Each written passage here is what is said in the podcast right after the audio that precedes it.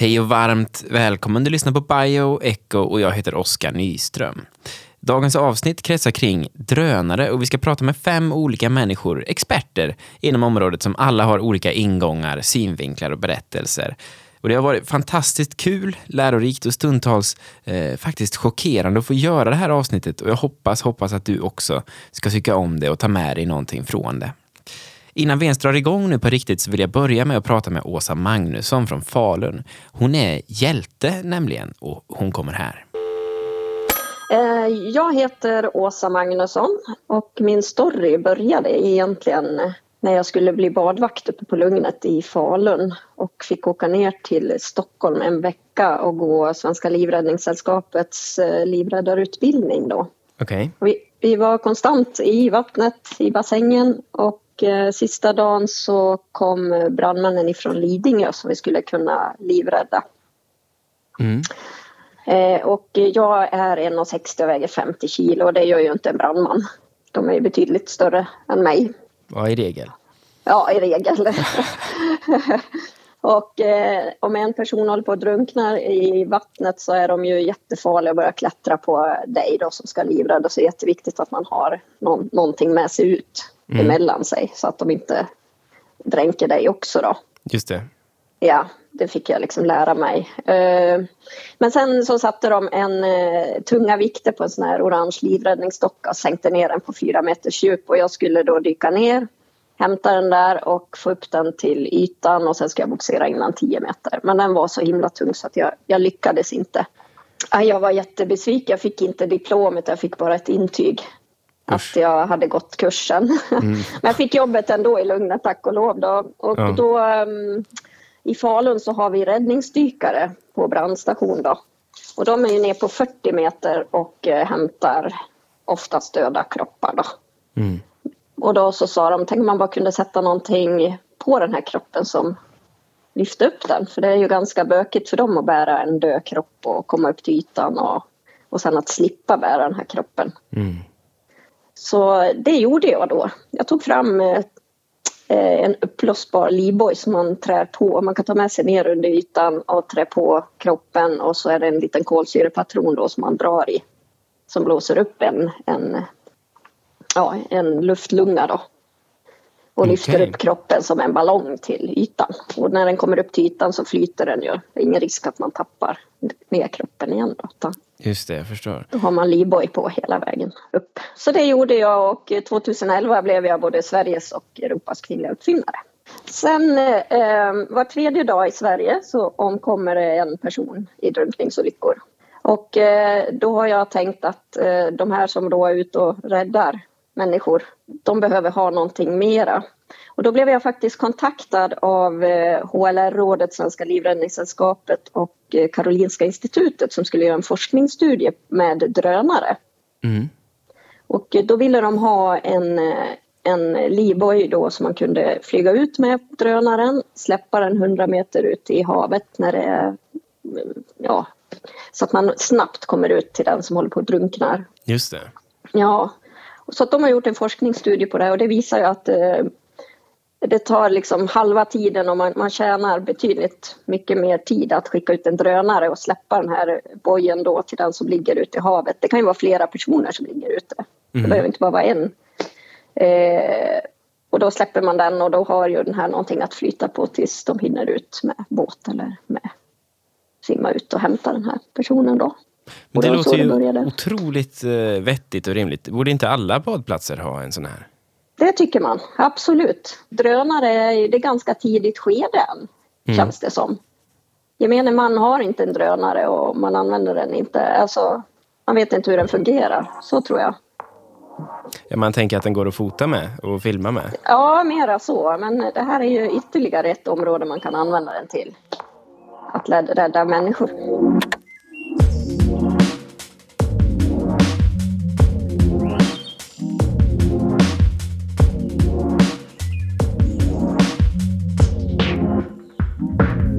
Åsa Magnusson allihopa, besök hemsidan QSave, alltså qsave.se om du vill veta mer om hur du kan utrusta dig själv eller din badplats med framtidens livräddningsredskap.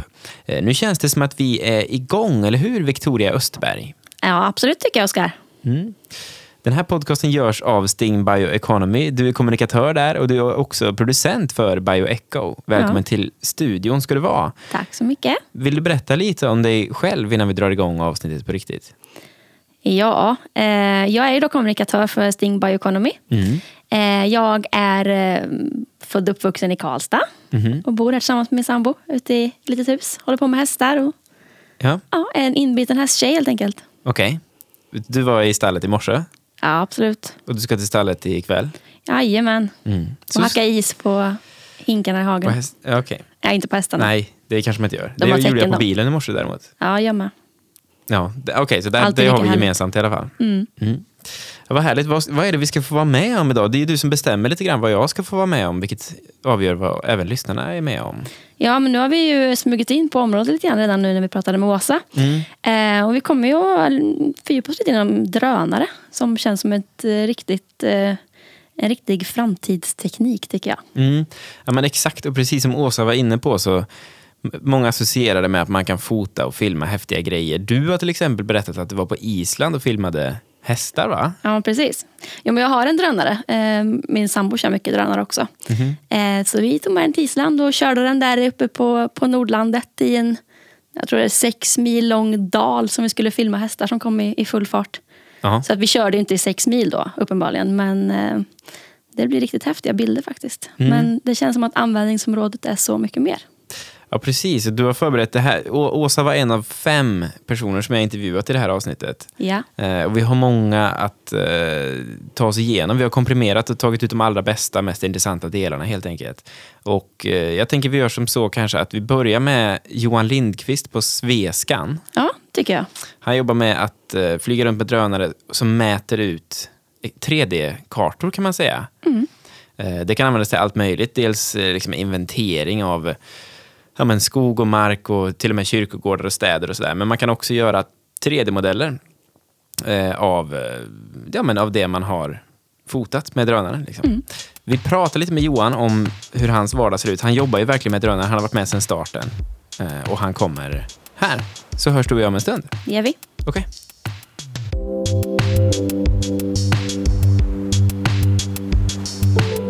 Johan Lindqvist, eh, varmt välkommen ska du vara till studion. Tack så mycket.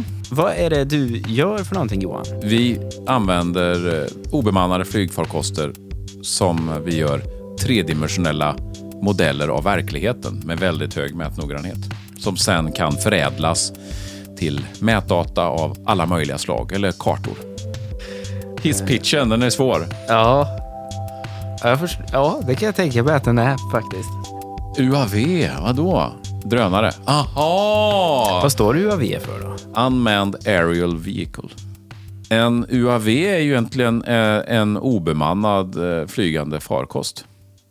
Vad används den till då? Det är ju eh, att flyga någonting som är mindre än att en människa får plats i den. Och Sen kan man bestycka den då med olika saker. Det kan vara kameror eller andra typer av sensorer. Sen finns det ju UAV som är betydligt större. Där man inte eh, vill riskera en eh, människas liv. Och då tänker man ju genast på eh, amerikanska drönare som flyger på andra sidan jorden och skjuter missiler. Mm. Till exempel. Det är ju den, det är ju den andra ytterligheten av UAV-skalan. Ja, det får man verkligen säga. Men när jag har läst om drönare inför det här avsnittet, inför den här intervjun, då har jag kunnat kategorisera in det i två olika grejer egentligen. Ja. Och det ena är att drönare är våra eyes in the sky, så att säga. Vi ser, det är våra ögon som vi kan använda för att nu behöver jag titta långt bort där. Eller jag behöver titta högt upp där och det verkar väldigt krångligt att ta sig dit. Det kanske till och med är omöjligt. Eh, Då kan man använda drönare. Och det andra är att man kan skjutsa grejer.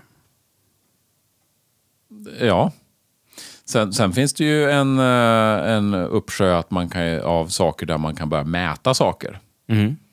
Eh, till exempel, tänk dig att om du skulle ha haft en... Eh, du kan ju bestycka den med någon sorts sensor som känner av radioaktivitet eller luftföroreningar eller eh, vad det nu kan vara. Kanske någon sorts bärvåg från någon radioantenn. Alltså mätdata i det tredimensionella luftrummet. Dit det vore jättedyrt att köra någonting annat eller bygga någonting för att nå till den där höjden. Men du får in bra mätdata i alla fall. En lite rolig grej är hur väl Johans jobb på Sveskan går hand i hand med Pelles jobb från avsnittet om 3D-printing.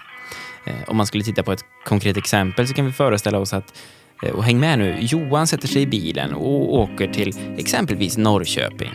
Och väl där så flyger han runt Norrköping och mäter ut en 3D-modell med sin drönare som en 3D-printer sen printar ut till en exakt modell fast i mindre skala då. Och avstånden mellan husen och gatorna stämmer och likaså höjden på allt från hustak till terrängnivåer och sådär. Och jag är nyfiken på vad någon som Johan, alltså någon som flyger hela tiden och följer utvecklingen, vad går han i för tankar i hans värld? För precis som i förra avsnittet är jag mest på besök ju, i en annan värld och hur mycket har Johans värld med min värld att göra? För ungefär fyra, fem år sedan så upplevde jag att det hände något på tv med alla tv-program. Ja. I vignetten i starten så är det en flygbild. Och så tänkte man, aha, ja, det är för att de har drönare nu för tiden. Ja. Men det är ungefär där det stannar tror jag också för många. Ja, det är det en drönare är. Men ju mer jag har läst på nu inför det här avsnittet, desto mer känner jag, hur klarade vi oss utan drönarna innan? Vad, hur gjorde man? Eh, jag läser till exempel att eh, man kan eh, söka efter folk. Du vet när Missing People kallas in. Då kan man leta med drönare och det låter ju helt givet. Varför, varför ska vi starta med skallgång? Eller det kan vi göra också såklart. Men det är ju smidigare med en drönare som liksom tittar ut över flera kilometer på samma gång och ser, ja, här, här ute på fältet är, är han. Ja, ja, det finns ju alltså, äh, vi har ju hittills bara skrapat på vad man kan använda den här typen av farkoster till. Sen eh, finns det ju andra utmaningar då som det heter på politiska och det är ju då regelmässigt hur man då ska få... Det, det är ju så att luftrummet är ju öppet för alla, eh, säger man. Men än så länge så är det bara väldigt hårda restriktioner. Det kan man ju med rätta då säga att eh, det kommer ju andra saker och flyger i luften. Flygplan, och, eller ambulanshelikoptrar och sånt som konkurrerar om samma luftrum i vissa delar. Fåglar. Ja, de blir mest rädda och flyger. Jag har väl aldrig varit med om att någon farkost har blivit så att säga attackerad. Möjligtvis lite så utforskad, men inte attackerad av någon fågel. Mm, vi ska återkomma till just det faktiskt senare. Men har du, har du däremot varit med om att eh, en drönare har kolliderat med någonting annat än en fågel? Eh, nej, Nej. nej. Och det är ju lite så, när man tittar upp i himlen så är det ju ganska lite som händer där uppe. Det är ju mest blått eller molnigt. Ja. Eller regnigt kan Ja. det också vara. Eller stjärnklart till Ja, exempel. till exempel. Eh, men om, om man nu läser de här artiklarna som jag har läst så verkar det som att den här framtiden som vi kunde se i Star Wars-filmerna, alltså med ett luftrum som är trafikerat, det, det verkar inte helt uteslutet och långt borta. Ja, men det är, det är naturligtvis en spännande eh, tanke. Eh, och ju, ju bättre, effektivare till exempel mo, mo, motorerna blir och batterierna, för att det är ju oftast att det är batteridrift. Eh, för att det ska ju vara så lätt som möjligt också då, så att ju mer och ju säkrare navigeringen blir. Eh, intelligensen blir ju bättre också i de här, att du kan ha såna här så kallade sense and avoid-system, att den känner av vad som är framför den eller att den har koll på sån här transpondertrafik som större flygplan och helikoptrar har. Att den känner av att nu kommer den här farkosten som kommer in tre kilometer höger om mig i den hastigheten, den riktningen, den höjden. Att kollidera med mig om tre minuter. Nu lägger jag om en ny rutt eller jag stannar här tills den har åkt förbi. Och sen fortsätter jag till exempel. Det är, så att man har, hittills har vi bara börjat skrapa på möjligheterna. Hur är reglerna då för detta nu? Eh, om jag som privatperson till exempel, får jag flyga drönare överhuvudtaget i Sverige idag? Ja, ja. Det har man ju alltid kunnat göra. Det som fanns när, när vi började, då fanns det ett kommersiellt verksamhetstillstånd. Eh, och det var väl egentligen, det, det gav det inte någon större befogenhet att få flyga mer. Det var mer att du skulle mm, ha någon sorts tillstånd i alla fall som då Transportstyrelsen utfärdade. Då. Eh, och nu har vi fått nya regler eh, från den 1 februari i år. Och där eh, har man egentligen tagit bort det här, eh, den här tillståndshanteringen eh, på för, farkoster under 7 kilo. Nej, precis, för det jag tänker att folk, de flesta vill, det är väl bara upp, upp i staden och filma lite, lite miljöer liksom. Det känns som det. Eller festival, det är roligt att filma. Ja, Men får jag sen- flyga över en festival? Eh, nej, det, det finns ju något, det är ju frihet under ansvar så att säga. Då. Du, Jaha. du får ju då till exempel inte flyga Över fotbolls-VM-finalen? nej, över eh, människor, djur, byggnader. Okej. Eh, det är ju liksom ett big no-no. För vad händer om du får ett propellerbrott? Ja, då trillar ju den här uh, manicken ner. Mm. Om du nu flyger en multirotor.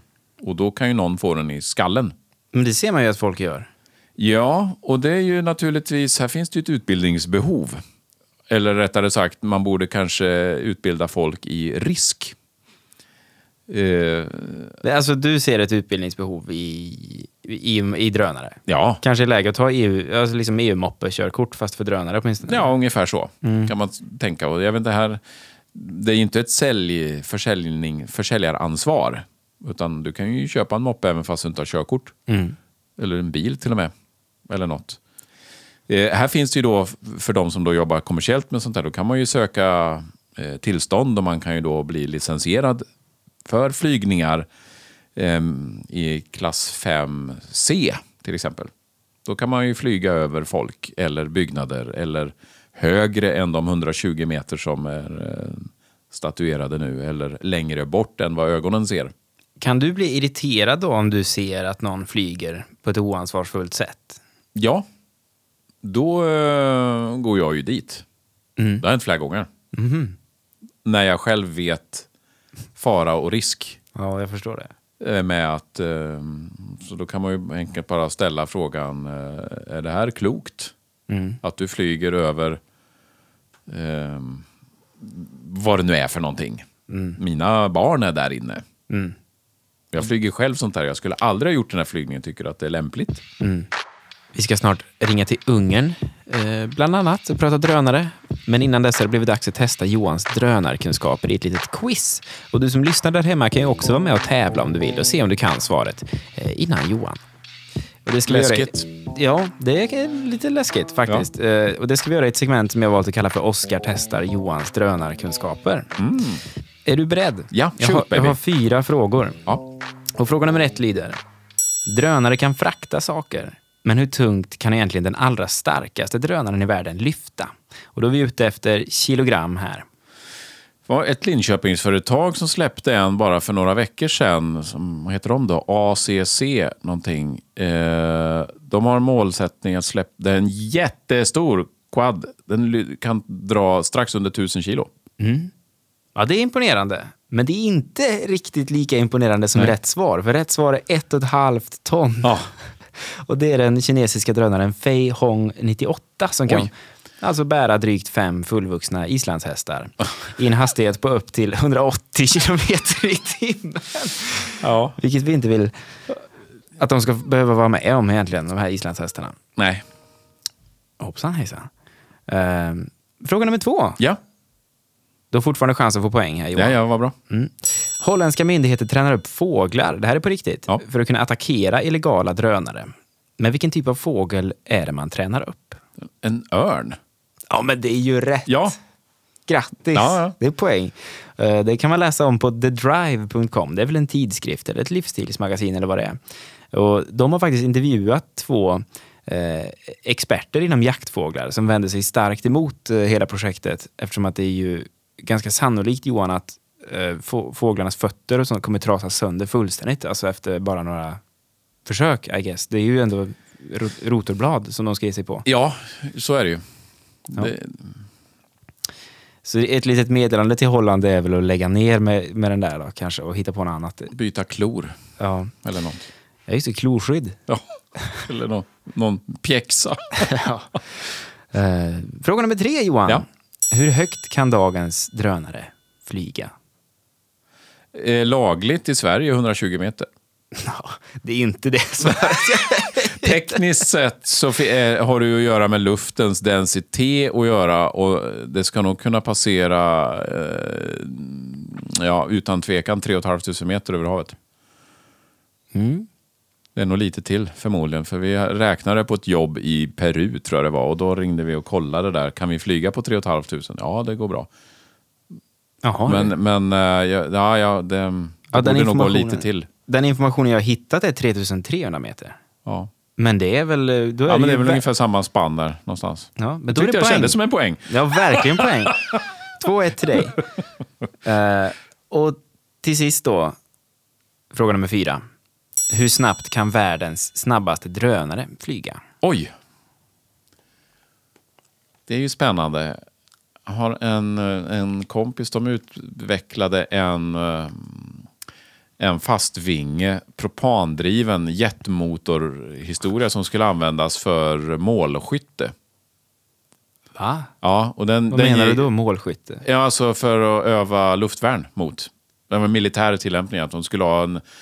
De skulle du försöka skjuta ner De skulle den? skjuta ner den och ha den som målobjekt. Liksom. Mhm. Och då är det ju billigare att bygga den här typen av vinge och skjuta sönder än någonting annat. Den här kommer vara jättemycket snabbare säkert än mitt Nej, rätta svar. nej, men alltså, eh, och där var det väl att de hade ju då testat styrsystemen och det var ju, inte, det var ju runt en 250 km i timmen, men jag förmodar att det är ju, jag tänker ju på de här uh, Reaper, de här, de borde ju gå i en säkert nästan, ö, nästan överljudshastighet. Det tror jag nog.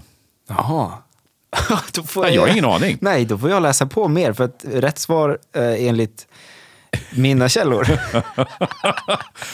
är 193 kilometer i timmen. Men det måste, ju vara en, det måste ju vara en drönare som man tänker sig att en drönare är. Ja, en sån där lite, ja, men nu tänker, då, nu, nu, Nu tänker du på gick jag, nu klev jag utanför lådan och Ja. tänker jag ju på, ja, Nu tänker du på ett flygplan som det inte sitter någon i. ja typ. Typ en drönare. Ja, sån där uh, Reaper, de här amerikanska. De är ju säkert jättedrivna också. Mm. De går ju säkert som en JAS. Ja, men vi hade fel bägge två hur den var. 2-2 då. Eller rätt, eller vad man ska Eller säga. något, ja. Ja, 2-1 till dig skulle jag säga faktiskt. Grattis Johan till, till segern i, i Oscar testar Johans drönarkunskaper.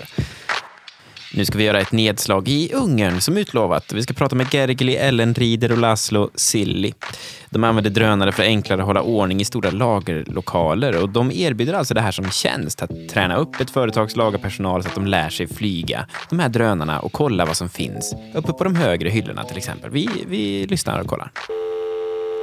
Uh, we we are continuously monitoring the latest trends, and what we seeing that in the upcoming five years, drone industry will be one of the most uh, um, growing business. So we were thinking about how to uh, find use cases, and we saw that people are lifted up up to 15 feet or 50 meter high in the warehouses in in in in a cage with with a forklift, and we thought that this is totally irrational. And also, there is a um, fact that companies are are struggling to hire people, workers, you know, warehouse workers in the warehouses in our region, and, and as we experience, it's it's a worldwide pro- it's a, it's a, it's a real problem.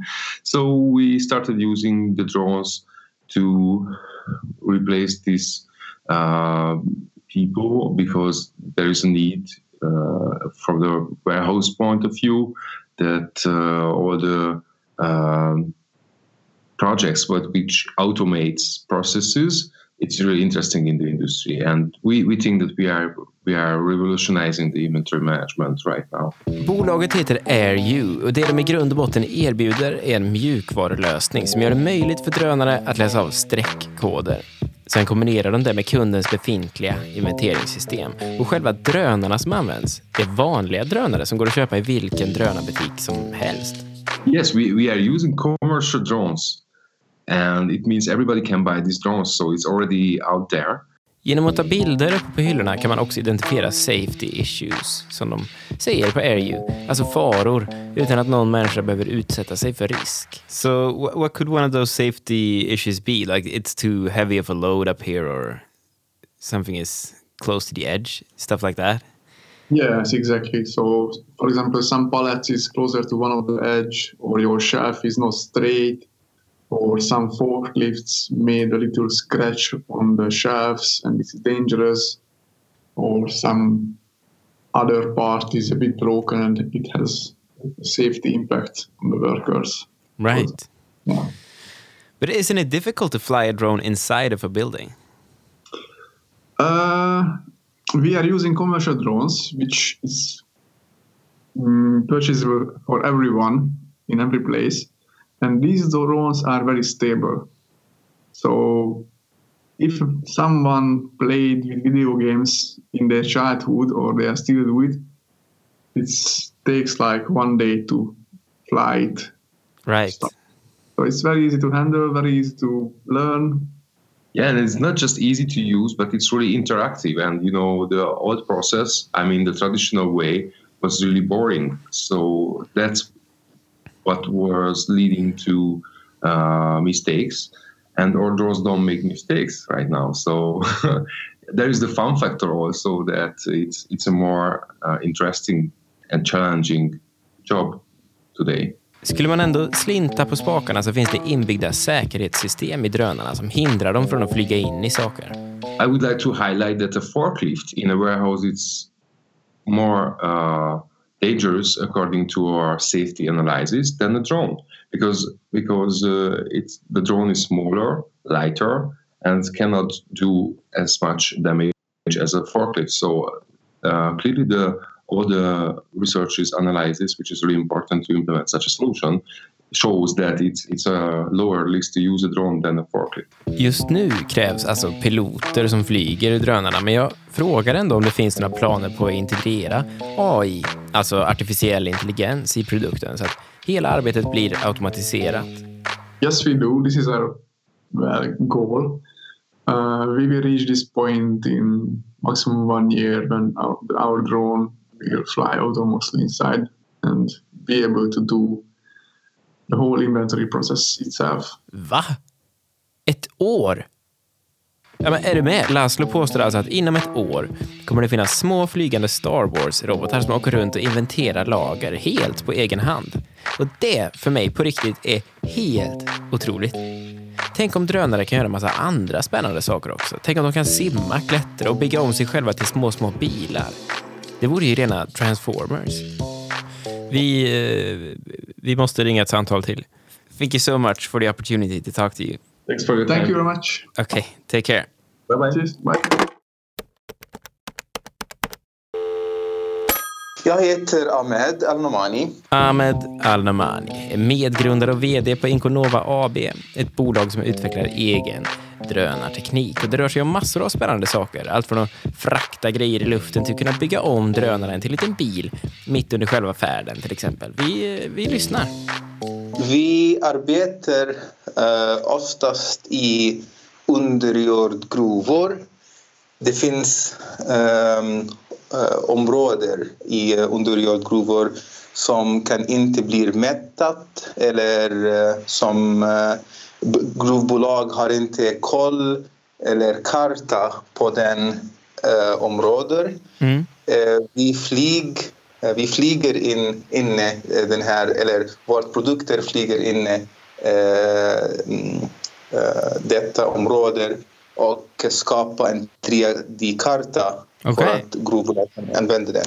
Mm. Och är det gruvor i Sverige eller hela världen eller hur ser det ut där? Vi säljer mest i eh, Sydamerika och Nordamerika. Mhm. Eh, det är eh, båda platser som vi har mest, mest eh, omsättning från. Men vi också jobbar i Sverige eh, med LKAB och Boliden. Syftet med Inconovas drönare kan väl enkelt sammanfattas så här. De tar sig fram genom mörka, ofta trånga, dammiga, blöta miljöer. Först med hjälp av pilot för att mäta ut själva gruvan och skapa en tredimensionell karta över den. Och sen, när själva kartan finns, då kan man peka ut en punkt och be drönaren ta sig dit helt på egen hand. Och helt utan GPS, ska tilläggas. Andra kapaciteten att eh, köra som en bil uh, när, det, när det finns inte möjlighet att flyga. Så det kan gå på ehm, eh, mark, eh, on the ground också. Ehm, Vänta, den flyger, den flyger och så kommer den fram till en tunnel som är för smal. Och då börjar den Ja. köra som en liten bil. Precis, precis. Och den kan också, eh, vad heter det, climb, eh, klättra upp. Klättra, Eh, okej. Ja, så det är... Ehm, och tack för den tilltroter uh, eh, mekanism som vi har. Så det är en skillnad. Ja, skillnad från andra drönare alltså. Och det får man ju verkligen säga. Det går att söka eh, på Youtube för den som är nyfiken. Eller så kollar du på Bioechos Facebook-sida. Där lägger vi upp sånt här. Eh, det finns klipp där man bland annat kan se en konsumentvariant av den här drönaren flyga för att sen klättra upp för en sten och till och med åka ner och simma lite i vattnet och sen lyfter den igen. Och det blir nästan som ett litet djur, eh, vilket ju kan föra tankarna till frågor som vad ska man ha den till? Det finns mycket området, mycket om, områden i, eh, i världen som man, eh, man kan inte gå i eh, för att eh, det är så svårt att gå i. Eh, och ehm, de där områdena vi vet nästan ingenting om för att vi kan se inte vad finns inne där. Eh, Så den här teknik kan sända vad jag kallar för uh, flyg angels som, som kan titta på saker som vi har aldrig visst om. Uh, och det kan också bli använts i uh, andra um, um, uh, planets eller um, um, till exempel i rymden, i space. Utforska rymden alltså, och platser på jorden som människor inte kan ta sig till. Ahmed medger att det här med rymdutforskning fortfarande hör till framtiden, men det är ändå häftigt att lyssna på någon som driver den utvecklingen framåt. Och tekniken, själva lasermätningen, berättar Ahmed, ligger bortom drönaren. Den är plattformsagnostisk, berättar han, vilket betyder att själva tekniken kan appliceras på vad som helst. En båt, en bil eller en Mars Rover, alltså ett fordon som är till för att utforska Mars. Hur långt bort tror du det är innan ni är där? Hur många år? Vi är redan där. Um, um, in, in commercial terms, ja, vi är redan där. Uh, men vi har inte använt den på olika applications ännu. Så just nu, som sagt, det är mest, mest använt för underjordgruvor. Men eh, eh, på den här tiden vi eh, eh vi eh, expanderar eller expand till eh, andra industrier som till exempel hydropower. Och man, man vet inte, kanske om två eller tre år det kan bli den användning i rymden. Eh, vårt fokuser, fokus nu är penetrate som, som en företag, att penetrate mer i gruvindustri ha olika industrier eh, som, eh, som använder den här tekniken, använder den här teknik och eh, utveckla den här tekniken mer och mer så att det kan bli mer reliable och eh, därefter bli använt mer i, eh, i andra områden. Mm. Du, då var det alla mina frågor. Det var väldigt spännande att prata med dig. Tack så mycket. Victoria, är du kvar förresten? Absolut. Hej, hej. Hej, hej Oskar. Hur är det med dig så här i halvtid? Det är strålande bra. Strålande bra. Halvtid är det inte riktigt va? Utan vi är snart Nej. faktiskt i mål. Ja, det tror jag. Mm. Vad, vad ska vi ta på? Ja, men eh, det var så här att jag kollade på nyheterna här för ett par dagar sedan och eh, blev lite imponerad av en sak faktiskt. Okej. Ehm, som har med drönare att göra. Så jag tänker att vi kan väl ringa upp eh, Caroline Bertilsson som jobbar som skogsinspektör på Södra Skogsägarna. Och höra Eh. lite hur hon jobbar med sin drönare. Ja, det kan vi säkert. Har du nummer? Absolut. Okej. Caroline, är det bra med, är det bra med drönare? Ja, alltså ser man det till, eh, till vad, vad man kan använda drönare till idag så är det ju bara just den man har läst om hjärtstartare som de eh, skickar ut med, med hjälp av drönare. Det är ju ett fantastiskt redskap för jag menar det måste ut så snabbt liksom. Så jag har inte jobbat jättemycket med drönare men, men bara det som jag har jobbat och eh, så har jag ju insett att det är ett fantastiskt redskap så att jag använder ju drönaren varje vecka i mitt arbete. Och vad är det du gör då? Vad jag gör då, det är till exempel när jag är ute hos markägare Eh, så bara just efter den här torra sommaren så har vi ju haft otroligt mycket skador. Mm, det vi har blivit mest drabbade utav är ju granbarkborren som har, har angripit våra skogar. Vad är det för en då? Det är en liten skalbagge som, eh, som lägger ägg innanför barken på, på granar. Eh, Som även för med sig blånadssvamp in i, i trädet så att trädet inte kan transportera vatten och näring upp, upp i trädet och att det då dör. Efter Gudrun så hade vi ju skador uppemot en och en halv miljon skogskubikmeter. I år har vi ju kunnat påvisa omkring två och en halv miljon Men är det enklare för dig helt enkelt att hitta det som är angripet eller titta hur det ser ut genom att använda drönaren? Eller varför använder du drönaren? Ja, men jag får ju ett öga ifrån luften. När, när trädet inte kan transportera vatten och näring upp, i, upp innanför barken, upp i trädet, Mm. så är det först upp i toppen som skadorna påvisas. För det är dit som inte näringen och vattnet orkar ta sig. Just det. Och det är då som, som eh, färgskiftningen blir i barren. Ehm, och att då vara uppe i luften och flyga med en drönare och ha ögat även uppe i luften då så ser jag ju direkt vart, vart skadorna är någonstans i skogen. Men hur, hur, såg, hur såg livet som skogsinspektor ut innan drönaren kom som arbetsredskap? Eh, ja, eh, då var man ju tvungen att vara ute och eh, gå i skogen betydligt mycket mer. Eh, till exempel en fastighet som är 56 hektar, det tar ju, kan ju ta ett par timmar att, att in, inventera den för att du ska få en uppfattning om hur stora skadorna är. Med Men eller att- utan drönare? Utan drönare. Mm. Men att skicka upp en drönare i luften och flyga över, det gör du ju på, på omkring 10 minuter och så har du bildat dig en ganska klar uppfattning om hur stora skadorna är. Så det är en game changer för, för er. Ja, det, det kan man verkligen säga. Vad tror du om framtidens användningsområden för drönare? Har, du, har du spekulerat någonting i det? Jag tror att vi kommer använda det betydligt mycket mer. I, i det mesta, skulle Ja. jag vilja säga. Just eh, för eh, vi använder ju det i, i det mesta vad det gäller skogs, skogsrådgivning, vi har det i inventeringar, vi har det i, just när det är stormskador, alltså att det blåser är ju ingenting som är, är nytt och det kommer det ju göra i framtiden också. Ja, det får vi Och anta. Och att, att, det, att inventera just stormskador är ju, det är ju farligt. Så att det är ju ett fantastiskt äh, redskap att kunna använda just i en sån inventering. Men just det här med som jag nämnde lite med hjärtstartare och eh, att man kan, ja, man kan använda det till det mesta skulle jag säga. Många bönder använder det för att eh, inventera sina grödor på fälten och Åka ut och kika hur det ser ut, helt enkelt. Ja, Mm. för att få en bra överblick. Liksom.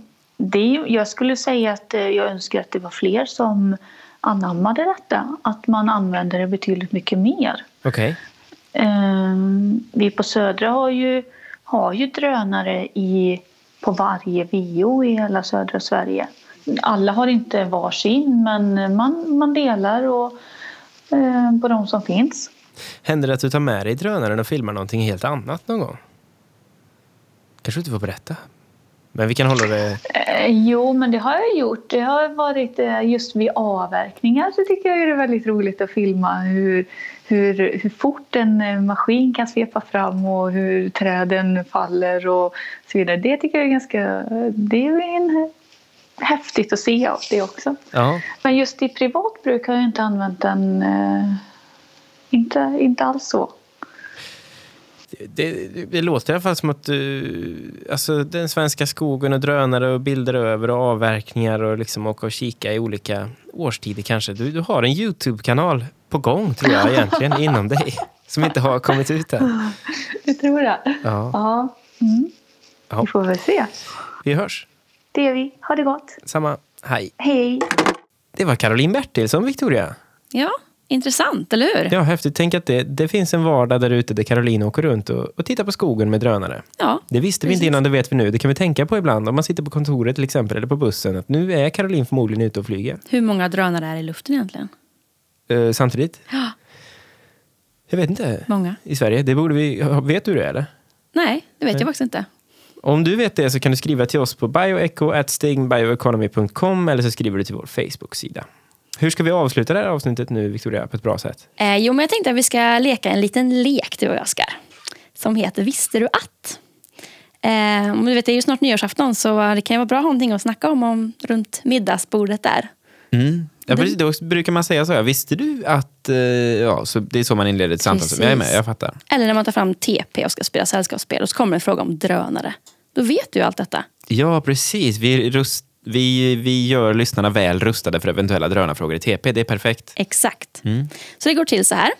Eh, jag säger en rubrik Jaha. och sen ska du se om du kan fylla på med vad du tror att den handlar om. Okej, utifrån rubriken ska jag gissa vad jag tror att det här handlar om. Precis. Går det också bra om man som lyssnare där hemma är med och gissar lite grann samtidigt som jag? Så kan man se om vem som gissade mest rätt. Absolut. Mm. Eh, då börjar jag med nummer ett. Det tycker jag. seglande drönare räknar fisk. Seglande drönare räknar fisk. Ja, Ja, eh, det låter ju lite som att det kan ha att göra med drönare på vatten kanske, som seglar möjligen. Och som kanske räknar fisk till exempel. det var ju ganska likt det som rubriken sa, jag, Oskar. Ja. Men hade, var jag nära eller? ja, men inte så långt ifrån. Eh, det här är alltså ett forskningsprojekt vid eh, SLU. Eh, och det handlar om att man ska samla in information om eh, två viktiga övervintringsplatser för havsfåglar. För havsfåglar? Ja, och det gör man med hjälp av drönare. Så då tänker jag typ att man kanske ser vart fiskarna finns. På så sätt kan koppla det till de här övervintringsplatserna. Ja, just det. På, så TP-frågan här hade kunnat varit hur kan man se vart övervintringsplatserna för havsfåglar är med hjälp av någonting? Ja, Drönare. A. Drönare. B. Båt. Ja, ja jag fattar. Ja, Eh, men du var inte så långt ifrån. Vart är det här i världen då? Eh, jag tror att det måste vara i Sverige eftersom det är SLU kanske. Ja, det, Jag vet faktiskt inte. Nej, Men eh, tro på det. det, det, det får vi se. Vet Mm. du svaret så kan du all- alltid mejla oss. Eller skriva på vår Facebook-sida. Precis. Är du redo för nummer två? Jajamän. Eh, armé av drönare med 3D-skrivare ska fixa potthålen självständigt. Potthålen. Ja, alltså du vet så här väghål i Ja, okej. vägen. det är potthål. Ja, jag har ju tvillingar annars som är två. ja, De inte fyllde- sådana potter. Fyllde igår faktiskt. Ja, Um, tvåårskalas. Mm, tvåårskalas. Men det här handlar om att fylla potthål. Um, nej, men det är, alltså, det är 3D-printing-utrustade drönare. Det här låter ju som ett, eh, en armé, sa du också va? Mm, det är en väldigt härlig rubrik. Ja, det är, många, det är många drönare som flyger runt med 3D-printers och fyller i gathål. Ja, men det är bra, då slipper man punktering. Det fick jag också här i jul nämligen. Fick jag faktiskt på min eh, bil. Attans. Eh, vänster framhjul. Det hade jag sluppit då om det fanns. Eller har jag, är jag i närheten? Det, Ja, men du är, du är i närheten. Mm. Du är inte så långt ifrån faktiskt. Men det handlar ju om alltså, den självläkande staden. Alltså att staden själv ska ta hand om sig. Och Det då, där är ju und- då åker drönarna runt med en 3D-printer Ja, på sig det, det och där är så inspirerande hålen. så att det inte är sant. Alltså, det där är så coolt tycker jag. Eller hur? En på natten som när vi liksom- sover. Mm, det, är fram, det är the future för mig. Det är the och, future. Och jag tänker att eh, vilka städer tror du i världen kommer ligga i framkant för såna här saker? Jag tänker ju liksom, här, du vet, Singapore typ. Ja, Eh. det här tror jag är England också. England känns också som att de är i framkant. Här, stod det så i rubriken förresten? Eller, Ingenting jag om England. inte England, men, men eh, London känns ju lite rough liksom. Ja, det är stort, det- stort och knäppt i London. Men det är ju klart, det, det, det är ju Men jag tror st- det här kan det är England, inte i London. Typ i Leeds eller någonting, tror jag. Jaha, Leeds. Ja. Där kör de. Där kör de Jag drönare tänker också Tokyo, där är det, det känns clean som bara den, liksom, att de åker runt. Och. Ja. Men Sing- Singapore är väl råkänt va, för att vara clean? Det är väl en myt va, att här, om du spottar ut ett tuggummi där, då, då är det livstid på det. Liksom. Det är ju en myt såklart, det inte stämmer ju inte. Kan det vara en myt? Jag tror det kan vara en myt. Mm. Jag vet inte, jag har inte varit där. Eh, skriv till oss på vår Facebook-sida, eller mejla oss. Du som har varit i Singapore. Precis. Är du redo för sista frågan, Oskar? Är det sista? Ja. Nej, jag har ju två frågor till kvar. Jag tänkte väl, det känns Gud, det är tidigt. fyra frågor. Mm. Ja, nu kommer fråga nummer tre. Eh, drönare hjälper bin med pollinering. Eh, ja, det här känner jag ju till lite grann om jag ska vara ärlig. Mhm. Att jag har läst att i Japan så flyger drönare omkring med eh, hästhår va? Som de Ja. har pollen på och sen så, så dras det längs med blommorna. Och det är ju områden där det finns dåligt om bin. Precis. Jag kommer ihåg när jag var liten så var jag ju väldigt, eh, du vet när man har blivit stucken av ett bi eller en geting, Mm. då är man ju skraj sen i regel för bin och getingar. Så jag var en sån riktig bimördare när jag var liten. Alltså. Nej. Jo, sprang efter. Jag ångrar ju nu naturligtvis. Det har ju dåligt samvete för ibland. Det förstår jag. Eh, och det, ska, det, det är kanske av den anledningen då, att de har hållit på lite så för mycket i Japan. Att det blev någon som blev stucken. Och så. Och för många som inte gillar bin helt enkelt. Ja, och nu Ja. måste de ta till drönare. Så kan det vara. Roligt också att i biriket finns det ju något som heter drönare. Precis. Så nu har man alltså gjort små automatiska drönare istället för de här bina. Mm. Vad vi håller på vi människor. Men det är också, det är ju framkant. Det är väl asbra att man Det kan är göra nog så. för att hjälpa till mer än att ersätta tror jag. Okej, man lite understöd. Ja, Stöttar upp precis. bina lite grann. Precis. Så de kan ta, En co-drone.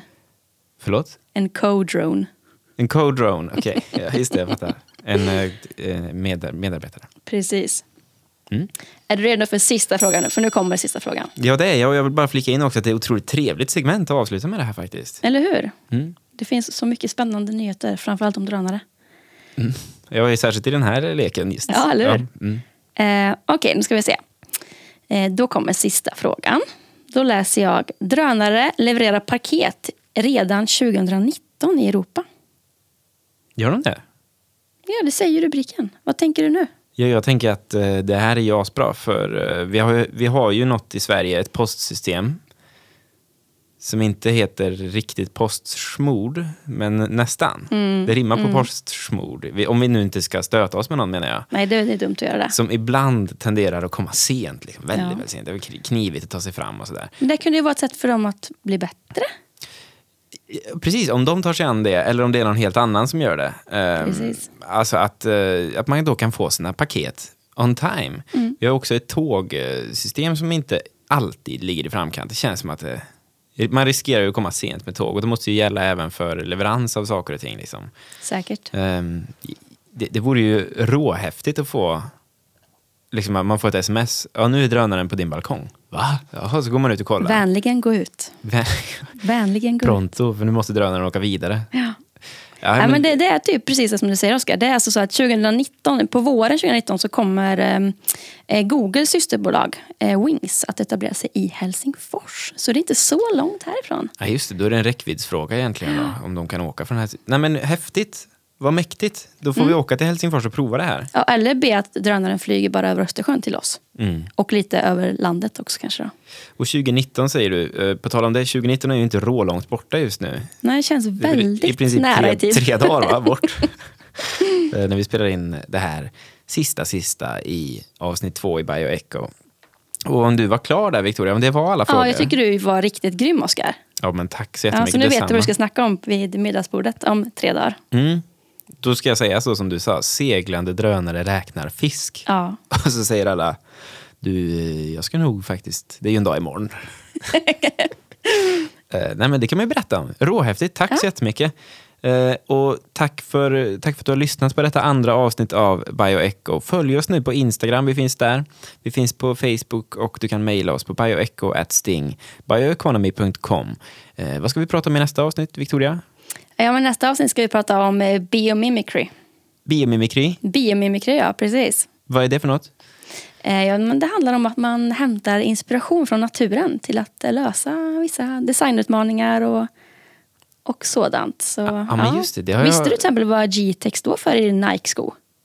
G-tech? G-Tech. Ja, men det har jag tänkt bara är fränt. G-force. Ja, det kan vara något bakomliggande där som du kanske får veta om du lyssnar på nästa avsnitt. Okej, ja, men du, då ska jag göra det. Jag ska ju faktiskt också producera det avsnittet Ja, tillsammans du med dig. Så jag kommer ju höra det. Du kommer höra det. Men, även, men det är till dig då, kära lyssnare, som vi eh, uppmanar detta också. Du kan också prenumerera på den här podcasten. Gör det i din podcastapplikation så ses vi nu eh, 2019. Eh, fira in det nya året så gott du kan så hörs vi vidare. Gott nytt år. Gott nytt år. Hej hej! Hej hej!